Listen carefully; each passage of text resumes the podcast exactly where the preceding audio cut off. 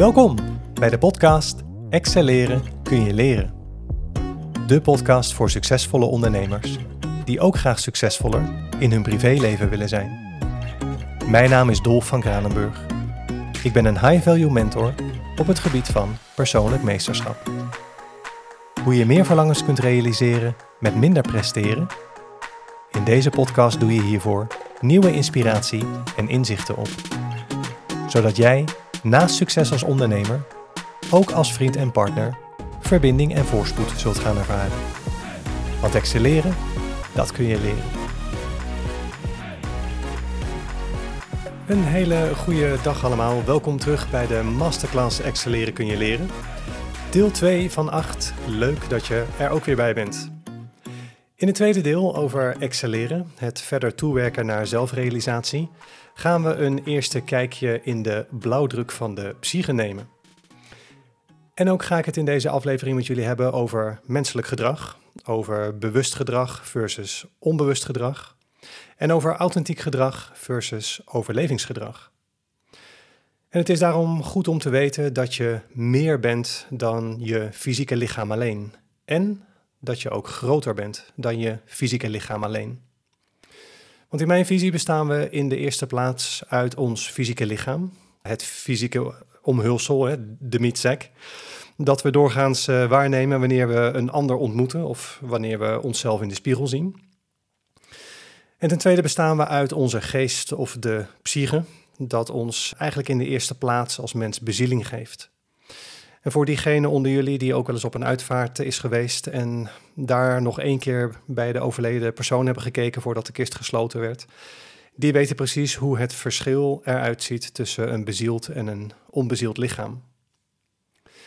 En ten derde heb je ook nog een gevoelslichaam, die ook wel de persoonlijke sfeer of de persoonlijke ruimte wordt genoemd. Het gevoelslichaam strekt zich uit voorbij de grenzen van ons fysieke lichaam rondom. En dit kun je bijvoorbeeld goed opmerken als je wel eens in een volle bus of in een te drukke winkel hebt gestaan. Als iemand dan net even te dicht op je staat. Uh, zoals ik wil zeggen, iemand staat in mijn aura. Maar als deze persoon je dan nog niet aanraakt. En dat je dan kunt ervaren dat je gevoelslichaam de aanwezigheid van de ander al registreert in de vorm van allerlei sensaties. Dat kan bijvoorbeeld lichamelijk zijn, spanningen, kunnen gevoelens zijn, irritaties die je daarbij misschien eh, ervaart. Misschien ervaar je wel vlinders.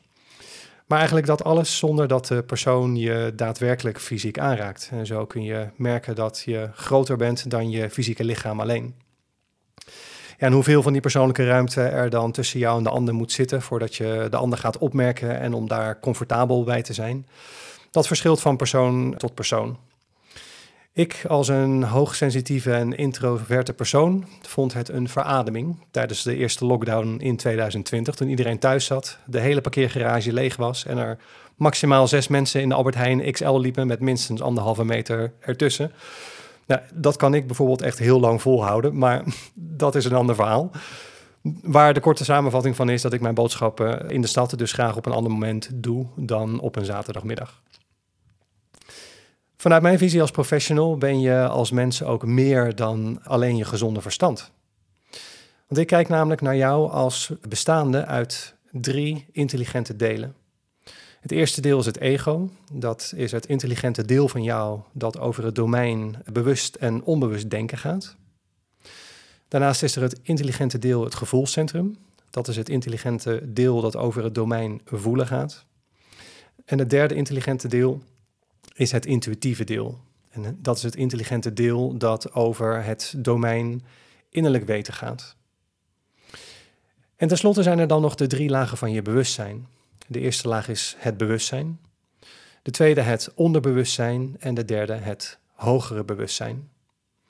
In mijn visie en werkwijze kijk ik naar de mens als één geheel. Dus eigenlijk de som van de delen, het fysieke lichaam, de geest, het gevoelslichaam naar de drie intelligente delen, het ego, het gevoelscentrum en het intuïtieve deel. En naar de drie lagen van je bewustzijn, het bewustzijn, het onderbewustzijn en het hogere bewustzijn. En dat kijken naar de mens als één geheel, dat wordt ook wel het holisme genoemd. En als ik dan als professional naar jou kijk, dan zie ik dat jij op jouw eigen unieke manier krachtig en onbegrensd bent in jouw mogelijkheden. En dat je beschikt over een oneindig potentieel waarin jij kunt excelleren. En dat je misschien binnen de huidige omstandigheden in jouw dagelijks leven geconfronteerd wordt met belemmeringen in de vorm van blokkades, zoals we die in de vorige aflevering bijvoorbeeld besproken hebben. En dat je merkt dat bij het kunnen neerzetten van je authentieke zelf en of van het leven zoals jij dat het liefst in jouw dagelijkse realiteit zou willen zien, dat je daarbij dus belemmeringen ervaart. En dat jij, als je dat wilt, kunt profiteren van de talenten en vaardigheden van een professional bij het oplossen van deze belemmeringen, om de weg vrij te maken om hierin verder te kunnen excelleren. En die holistische werkwijze die is ook verweven in deze masterclass. Dus ook in de komende afleveringen zul je de afzonderlijke delen die ik hiervoor benoemde vaker voorbij horen komen met op zijn tijd ook meer uitleg van zo'n deel. Voor nu weten we vanuit de wetenschap inmiddels hoe ongelooflijk complex en ingenieus ons fysieke lichaam in elkaar zit en hoe het functioneert. En het lijkt er intussen op dat onze psyche ook minstens zo complex is. En de metafoor die je je kunt voorstellen bij de psyche is die van een ijsberg. Waarbij het topje dat boven het water uitsteekt staat voor de geschatte 5% maximaal van ons gedrag, dat bewust en gepland is. Tegenover 95% van ons gedrag dat onbewust en veelal automatisch verloopt. Een deel van ons gedrag dat meestal onbewust is, kunnen we weliswaar beïnvloeden en veranderen door hier eerst bewustzijn overheen te zetten. En dit is het deel van gedragsverandering waarop de cognitieve gedragstherapie zich bijvoorbeeld focust. Een werkvorm waarin het eh, gaat om je bewust worden van je gedrag, de alternatieven die er zijn en hoe je eigenlijk door daar bewustzijn overheen te zetten kunt gaan kiezen in je dagelijks leven voor ander gedrag dat misschien voor jou veel effectiever is. Maar nog dieper in dat onderbewustzijn, daar zit het gedrag dat niet zonder meer te beïnvloeden is. Zoals het gedrag bijvoorbeeld dat onze overlevingskansen vergroot. Of de basisfuncties van ons fysieke lichaam. Probeer maar eens op te houden met ademen. Oh nee, dat zijn tips die ik jullie in deze masterclass misschien niet moet geven. Laat ik het dan anders formuleren. Probeer je adem maar eens in te houden, zolang als je kunt. En merk dan op dat je op enig moment de prikkel om adem te halen niet langer kunt onderdrukken met je bewuste denken. Dus als we verder inzoomen op de blauwdruk van de psyche, dan komen we daarin onder andere tegen dat wat we noemen onze onderbewuste drijfveren. In onze psyche gaan de onderbewuste drijfveren onder andere over de verschillende smaken aan gedrag die je kunt laten zien. En hierin zijn ook jouw competenties bepaald, die ook wel je vaardigheden of je kwaliteiten worden genoemd. En op het moment dat wij aan het begin van ons leven zijn en nog helemaal onontwikkeld zijn, dan zijn die onderbewuste drijfveren in onze psyche ingedeeld in grofweg twee bakjes. Het ene bakje wordt jouw ontwikkelbare potentieel genoemd en het andere bakje wordt jouw onbekende gebied genoemd. En wanneer je de zaadjes die in het bakje ontwikkelbare potentieel in jouw leven ook ontwikkelt, dan ontstaat hieruit dat wat jouw natuurlijke kracht wordt genoemd. Jouw natuurlijke eh, kracht zijn het gedrag en de vaardigheden die van nature bij je passen, waarin je kunt excelleren en dat je naar alle waarschijnlijkheid ook energie en plezier zal geven wanneer je deze natuurlijke kracht inzet in jouw dagelijkse leven. Wanneer je de zaadjes die in het bakje onbekende gebied in jouw leven ontwikkelt, dan ontstaat hieruit wat jouw kwetsbare kracht wordt genoemd. En dit zijn het gedrag en de vaardigheden die er van nature niet bij je passen, maar die eerder in je leven en wellicht tot op de dag van vandaag nut of zelfs noodzaak hebben om in te zetten. Omdat je hiermee voor elkaar krijgt wat jij nodig hebt om te kunnen leven en misschien zelfs te kunnen overleven. je kwetsbare kracht ontwikkelt over het algemeen vanuit stress en vanuit levenservaringen die we bewust of onbewust als ingrijpend hebben ervaren. En dat wordt ook wel traumatiek genoemd. En traumatiek klinkt voor veel mensen groot en meeslepend. Mensen stellen zich hier vaak hele grote gebeurtenissen bij voor, om dan vervolgens te denken: oh, maar dit gaat niet over mij. De werkelijkheid is, is dat iedereen in zijn of haar leven situaties meemaakt die als ingrijpend worden ervaren. Maar vaak zijn deze veel subtieler en meer voorkomend in het dagelijks leven dan de meeste mensen denken. Stel je voor, je bent derde kind in een gezin. Je vader is druk met zijn bedrijf om de kosten te verdienen. Je moeder zorgt voor je, maar heeft ook nog twee andere kleine kinderen, waardoor ze haar aandacht moet verdelen. En dat maakt dat je op momenten tekort komt in aandacht, in warmte, vaak even moet wachten op het moment dat je iets nodig hebt.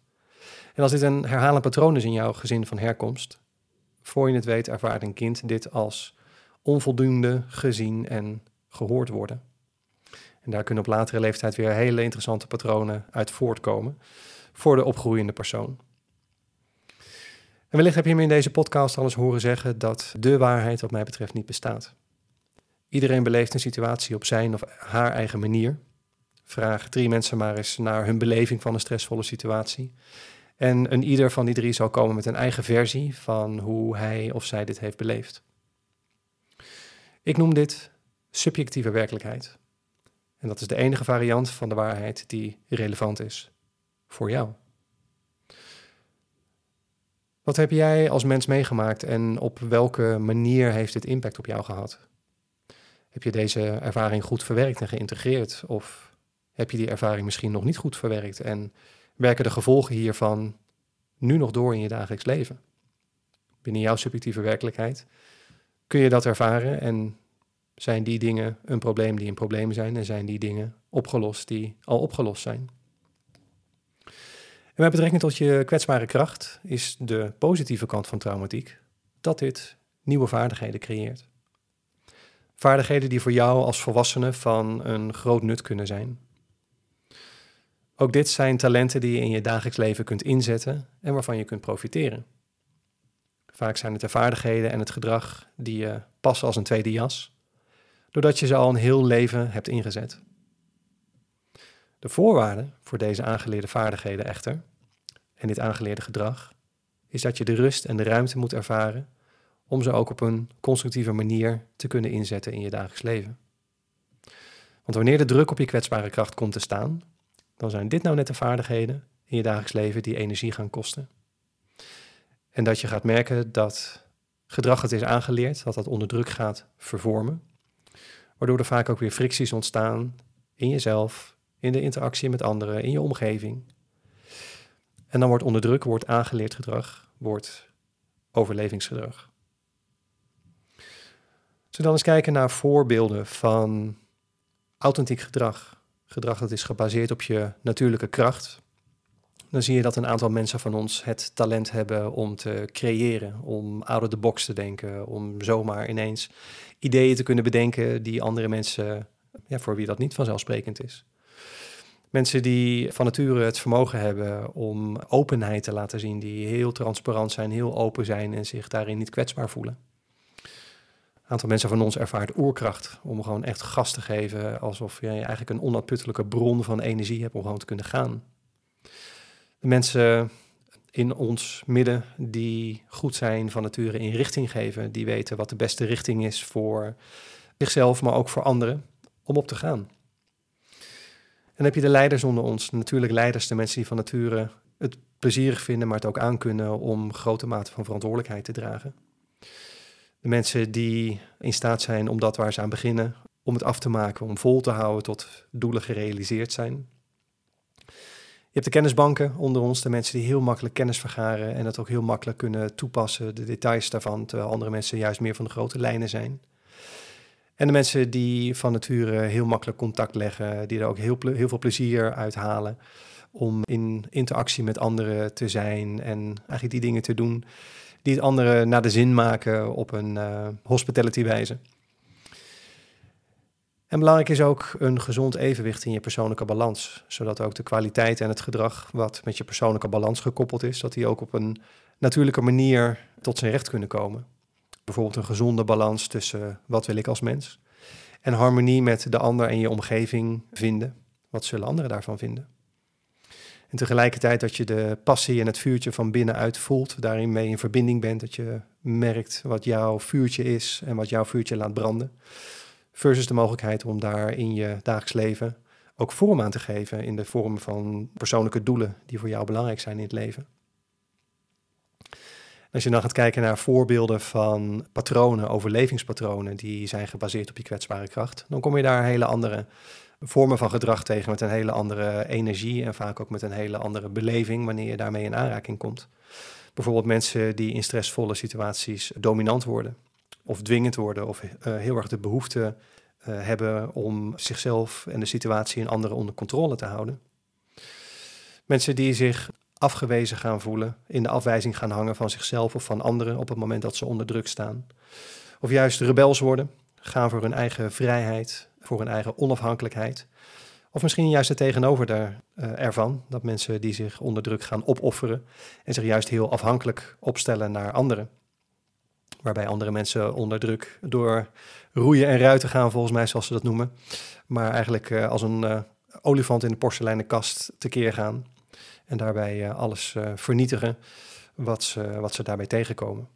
En ook mensen die vluchten of die afstand nemen, afstandelijk worden onder druk is een voorbeeld van patronen die voortkomen vanuit overlevingsgedrag, gebaseerd op je kwetsbare kracht.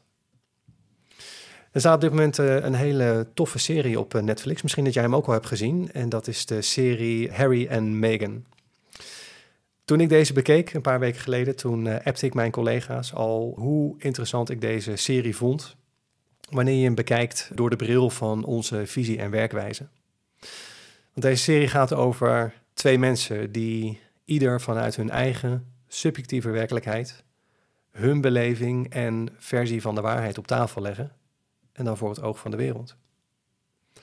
En in deze casus kun je enkel door te luisteren naar wat Harry en Meghan zeggen, heel goed horen wat de patronen, hun gevoelens en het bijbehorende gedrag is. Waarmee ze, naar mijn mening, allebei ons een kijkje in hun keuken geven. Als het gaat om de manier waarop zij de ingrijpende levenservaringen beleven en hoe zij hiermee omgaan. En nu denk jij misschien als luisteraar, ja, maar zij zijn royals. Dat is ook waar. Kijk, dat zij in een paleis leefden en dat de media daar constant met een telelens bovenop zit, dat maakt natuurlijk dat die patronen flink kunnen worden uitvergroot. Maar daarnaast kun je hun ook zelf horen zeggen dat het ook gaat om een man en een vrouw van gescheiden ouders zijn. Husband en wife, die te maken hebben met een benauwend familiesysteem. Met onder andere een oma die een absolute autoriteit is, met aan- en afwezige vaders. Het te maken krijgen met gevoelens van onmacht, met verraad, met pijn, terugkerend gedoe met broers en zussen en over externe instanties en factoren die keer op keer ongewild over je grenzen gaan. Die trachten je privacy te schenden. En van mening zijn dat je een voorwaardelijke prestatie te leveren hebt voor wat hoort wat. En zo niet. Op straffen van consequenties. En hey, gaat het dan ineens niet over ons allemaal? En prachtige voorbeelden van de patronen die voortkomen uit hun onderbewuste drijfveren zowel vanuit natuurlijke als vanuit kwetsbare kracht, zijn bijvoorbeeld iemand die laat zien dat hij van nature verantwoordelijkheid kan dragen, zoals Harry die zegt: Het is mijn verantwoordelijkheid om mijn gezin veilig te houden. Zeker na wat mijn moeder is overkomen. En tegelijkertijd hoor je iemand aan het woord die niet de ruimte krijgt om dit potentieel te leven. Als Harry zegt: Ik mocht niet mezelf zijn. Ik kreeg geen ruimte, geen vrijheid om adem te halen en om te groeien. En iemand die van nature geen oerkracht in zich heeft, of die dat niet leeft, die zal onder druk gevoelig zijn voor onrecht. En dat hoor je Harry ook heel mooi zeggen als hij vertelt over hoe hij opgroeide. En zei: We werden gedwongen om te lachen. Het was nooit eerlijk. Dit heeft nooit gewerkt. En datzelfde hoor je eigenlijk terug, diezelfde dynamiek bij Megan, op het moment als zij zegt, zij, de media, zij vernietigen ons. Onrecht. En iets verder in de serie dan laat ze eigenlijk horen dat Megan vanuit een gezonde persoonlijke balans eigenlijk zoekt naar evenwicht tussen ik en harmonie met de anderen. Wanneer zij zegt, gelijkheid is belangrijk voor ons allebei, voor haar en voor Harry. Maar er is ook geen versie van mij die bij deze familie komt en die er niet alles aan doet wat ik kan om erin te passen. tegelijkertijd laat Megan ook zien dat zij iemand is die onder druk afstandelijk wordt. Bijvoorbeeld wanneer het patroon ontstaat, ze zijn net getrouwd, ze gaan doen eigenlijk allerlei landen aan en worden daarmee heel populair. En dat ze vervolgens zegt, het is niet mijn schuld dat de media mij steeds voor de voorpagina kiest en niet de koningin. Maar veel van de complicaties komen voort uit de jaloezie die dit veroorzaakte binnen het instituut. Achter de schermen trok ik me helemaal in mezelf terug. En dit zal allemaal stoppen als ik er niet meer ben. En dan hoor je eigenlijk hoe zij onder druk afstandelijk wordt, zich terugtrekt en zelfs gedachten heeft om uh, wat als, als ik er niet meer ben, wat als ik een eind aan mijn leven zou maken. En iemand die van nature zich niet kenmerkt door openheid of die dit potentieel niet leeft, dat zou iemand zijn die onder druk afhankelijk wordt en zichzelf opoffert. En dat hoor je deze twee personen ook allebei op hun beurt zeggen. Wanneer Harry bijvoorbeeld zegt: Ik word liever vernietigd door de pers dan mee te doen aan dit spel en aan de koehandel. We hebben geen andere keuze dan om weg te gaan en alles achter ons te laten, het Koningshuis. En als Meghan in deze woorden zegt: Ik heb zoveel hiervoor opgeofferd, en dan niet eens voor mijn land, maar voor een land dat mijn land niet is. En dit is een zo'n interessante casus. Ook bij de volgende Essentials zal ik uh, nog meer voorbeelden uit deze casus gaan geven. En zo hebben H&M zichzelf uitgenodigd bij deze masterclass. En kun je zien hoe de verschillende elementen van de Rubik's puzzel ook in het leven van Harry en Meghan verweven zitten, tot een stekelig geheel. En het loont dus om je eigen blauwdruk te kennen, dames en heren, om te weten waar je krachten zitten, waar je valkuilen zitten en om te weten wat jij nog meer in je hebt, dat er nu wellicht nog niet uitkomt. Want weet dat niet ieder mens dezelfde kwaliteiten heeft en dat is belangrijk om te beseffen. Mede ook en dat is weer de brug naar de vorige aflevering, naar de eerste essential. Omdat niet iedereen dezelfde kwaliteiten heeft, is ook niet elke doelstelling voor iedereen haalbaar. En is niet elk doel dat je je stelt wellicht realistisch voor jou. Alexander Werf, een eh, specialist op het gebied van menselijke marketing, die gaf laatst op Instagram hier een mooi voorbeeld over, waarin hij zei: Het hebben van een goede intentie alleen is niet genoeg. Stel dat ik als coach een online training verkoop over snel en makkelijk rijk worden. Dan zullen mensen die niet dezelfde competenties hebben als anderen die succesvol zijn, hun doelstellingen niet gaan behalen met alleen een goede intentie. En ik deel zijn visie voor wat betreft de noodzaak voor het stellen van realistische doelstellingen. In het kader van haalbaarheid, vooral als je succesvol wilt zijn en daarin wilt excelleren. Dus we willen zeker weten dat de doelstellingen van de eerste essential, dat die ook aansluiten bij de competenties en het gedrag dat van nature bij jou past, waarin jij als individu in je kracht staat of komt te staan. En daarnaast geloof ik ook dat wij allemaal een eigen en unieke radar in het geheel zijn. Dat het de bedoeling is dat wij elkaar aanvullen en versterken op onze eigen manier, op onze eigen unieke, individuele, authentieke, krachtige manier. Want als iedereen de kans krijgt om te doen waar hij of zij van nature goed in is en waar hij of zij ook plezier in heeft, dan ben ik ervan overtuigd dat het geheel gaat werken als een goed geoliede machine. Hoe je kunt ontdekken hoe jouw onderbewuste drijfveren van nature georganiseerd zijn, daar kom ik in het laatste deel van deze masterclass nog op terug. Want in de volgende afleveringen zal ik met jullie eerst de vijf andere essentials nog gaan bespreken. Waarna alles uiteindelijk op zijn plek zal vallen. Bij betrekking tot de relevante elementen die nodig zijn om verder te excelleren. En dan ben ik even benieuwd, dames en heren. Herken jij dit bijvoorbeeld in jouw dagelijks leven?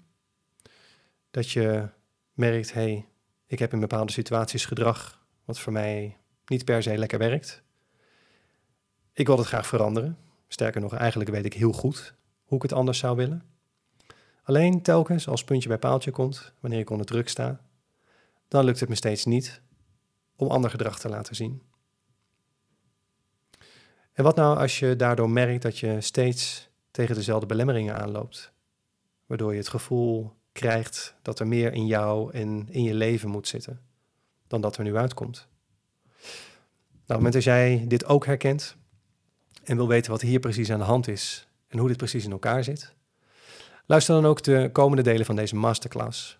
Want we zakken steeds iets verder de diepte in om dit complete plaatje duidelijk te krijgen. In aflevering 16 pakken we de draad van deze masterclass weer op met deel 3. Superleuk als jij er dan ook weer bij bent. Fijn dat je er deze keer bij was alvast en tot gauw. Bye bye. Dit was hem weer. Voor nu. Dank je wel voor je tijd en aandacht bij het luisteren. Als deze podcast waardevol voor je was, laat dan even een review achter. Je zou me een groot plezier doen door deze aflevering te delen met de mensen in jouw netwerk voor wie jij denkt dat dit ook meerwaarde heeft. Heb je nog vragen over wat je zojuist gehoord hebt? Of een suggestie voor onderwerpen waarover jij graag meer zou willen horen in een volgende aflevering? Stuur me dan een berichtje op LinkedIn, Instagram of Facebook. Abonneer je ook even op deze podcast als je dat nog niet had gedaan. Wil jij graag dieper ingaan op de mogelijkheden die er zijn voor jou om meer verlangens te realiseren met minder presteren? Bezoek dan mijn website www.dolfvankranenburg.nl. Hier kun je jouw één op één Zoom call met mij inplannen. Voor nu wens ik je alle goeds en graag tot de volgende keer.